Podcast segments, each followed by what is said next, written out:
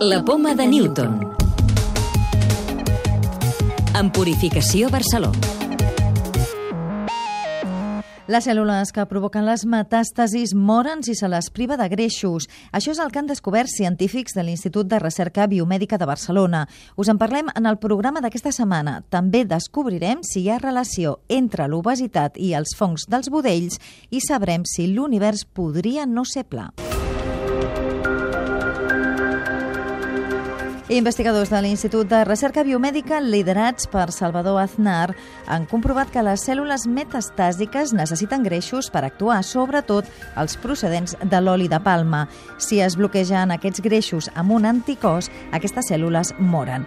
Aquesta recerca representa una línia per lluitar contra l'expansió dels tumors, ja que en la investigació feta amb ratolins, un 20% de les metàstasis van desaparèixer i la resta es van reduir considerablement. Cèl·lules tumorales de pacientes cuyos tumores ya, ya muestran una predisposición para generar metástasis.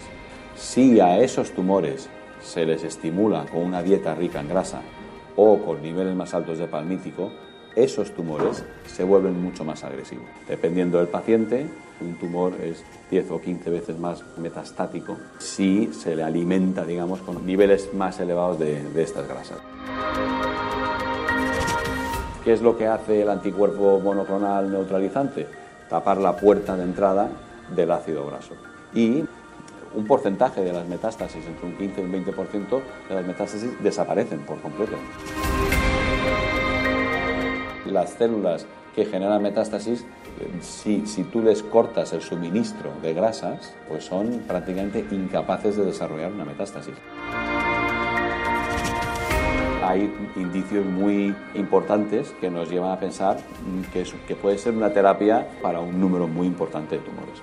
Es tracta de resultats molt esperançadors en la lluita contra la metàstasi. Per això, aquest equip ja ha encarregat a una empresa britànica que desenvolupi anticossos per a humans que bloquegin l'arribada del greix a les cèl·lules metastàstiques.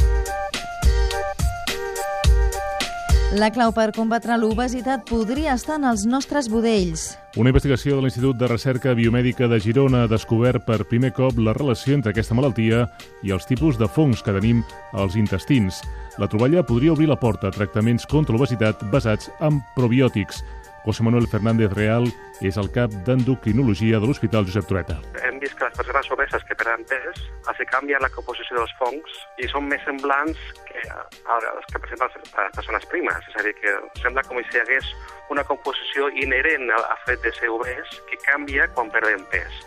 Els minerals d'un tipus concret de meteorit, les condrites carbonàcies, poden crear les condicions per a l'aparició d'organismes biològics. Això és el que ha descobert un equip d'investigadors liderat pel CSIC, que es tracta d'una troballa important perquè demostraria que aquests meteorits podrien haver estat els desencadenants de l'aparició de la vida a l'univers. Un grup d'investigadors catalans ha dissenyat el primer fàrmac per al tractament del dolor que s'activa a través de la llum. El fotofàrmac, desenvolupat per científics de la Universitat de Barcelona, l'IDIVELL i de l'Institut de Química Avançada, ha actuat eficaçment com a analgèsic en investigacions amb animals.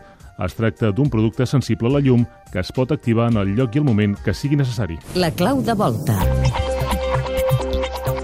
L'univers és pla? Jordi Eloi, de l'àrea de recerca i coneixement de l'obra social La Caixa. Nosaltres tan sols podem observar un radi de 13.800 milions d'anys. Aquest univers observable sabem que és un univers pla. Però clar, això no ens diu res sobre com pot ser l'univers més enllà d'aquest univers observable.